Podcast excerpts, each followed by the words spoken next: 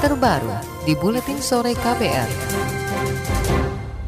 Saudara Presiden Joko Widodo didesak segera membentuk tim independen untuk mendalami penetapan tersangka penyerangan terhadap penyidik Komisi Pemberantasan Korupsi KPK Novel Baswedan. Peneliti Lembaga Anti Korupsi ICW Wana Alam Syah mengatakan tim independen penting lantaran dua pelaku penyerangan merupakan anggota polisi aktif. Penangkapan dua tersangka ini bisa menjadi pintu masuk untuk pengungkapan dalam kasus novel. Namun hal itu bisa jadi kontraproduktif jika pengusutannya dipercayakan kepada kepolisian karena rawan konflik kepentingan. Ketika misalkan saat ini sudah diketahui siapa aktornya, harusnya presiden dapat bersikap secara tegas karena kemudian independensi akan menjadi bias apabila polisian yang juga menangani kasus tersebut sehingga bentuklah tim independen yang dibuat oleh presiden apabila presiden berani. Peneliti ICW Wana Alamsyah juga mengkritik berbagai kejanggalan dalam penetapan dua anggota polisi berinisial RM dan RB sebagai tersangka. Dia meragukan motif tersangka yang menyebut serangan terhadap novel bermotif dendam. Wana menilai motif ini terlalu dangkal dan tidak masuk akal. Dia khawatir penetapan dua tersangka dibuat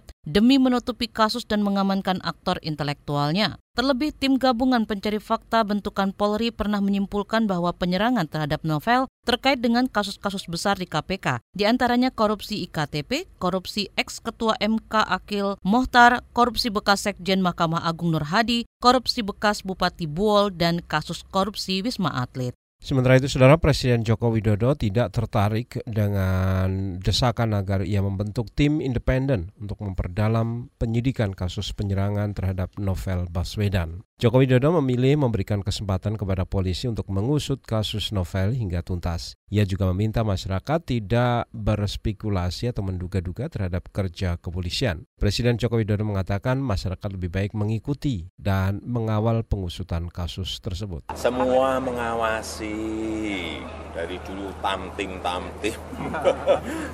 tim pencari fakta apa pun yang paling penting dikawal semua. Bareng-bareng mengawal agar peristiwa itu tidak terulang lagi. Jangan sebelum ketemu ribut. Setelah ketemu ribut berikanlah polisi kesempatan untuk membuktikan bahwa itu memang benar-benar pelaku. Motifnya apa? Semuanya. Ya jangan ada spekulasi kalau terlebih dahulu. Oh baru ditangkap kemarin Presiden Joko Widodo meminta masyarakat menghargai kerja kepolisian yang menuntaskan kasus penyerangan terhadap penyidik KPK Novel Baswedan. Menurut Jokowi, penetapan dua tersangka itu baru awal proses penyidikan. Jokowi yakin Polri akan mampu mengusut kasus itu hingga tuntas sesuai dengan harapan masyarakat. Kapolri Idam Aziz berjanji bakal transparan dalam penyidikan kasus penyerangan terhadap Novel Baswedan yang melibatkan dua anggota kepolisian. Kata dia, persidangan di pengadilan nantinya bakal terbuka dan bisa diakses publik. Ke depan, saya sudah memerintahkan kabar eskrim bersama Kapolda Metro untuk melakukan proses penyidikan yang transparan dan beri waktu para penyidik untuk melakukan proses penyidikan ke depan nanti toh juga sidangnya akan dilaksanakan dengan terbuka di sidang pengadilan. Itu tadi Kapolri Idam Aziz. Sementara itu kabar Eskrim Listio Sigit Prabowo mengatakan masih mendalami motif pelaku penyerangan novel apakah dilakukan sendiri atau atas perintah orang lain. Dia berjanji polisi mengusut tuntas jika ada indikasi pelaku lain. Ex-ajudan Presiden Joko Widodo ini menegaskan polisi tidak melakukan rekayasa maupun salah tangkap. Kata dia, dua tersangka tersebut merupakan pelaku sesungguhnya. Komisi Nasional Hak Asasi Manusia Komnas HAM mendesak kepolisian tidak berhenti pada dua tersangka pelaku penyerangan terhadap penyidik KPK Novel Baswedan. Wakil Ketua Komnas HAM Sandra Yati Moniaga menduga ada keterlibatan pihak lain dalam kasus tersebut. Sandra yang pernah mengetuai tim pemantauan kasus novel ini meminta agar kepolisian menyerahkan laporan lengkap progres pengusutan ke Komnas HAM. Tentunya melihat lagi apakah mereka hanya berdua atau sesungguhnya ada juga pihak-pihak lain yang terlibat. Kami menduga ada pihak lain, tapi tentunya perlu ada proses penyidikan yang lebih mendalam ya. Wakil Ketua Komisi Nasional Hak Asasi Manusia Komnas HAM Sandra Yatimoniaga ragu dengan usulan pembentukan tim independen yang disuarakan para pegiat anti korupsi. Ia mendukung penyidikan tetap di tangan kepolisian mengingat Indonesia merupakan negara hukum. Saudara sejenak kita simak informasi olahraga.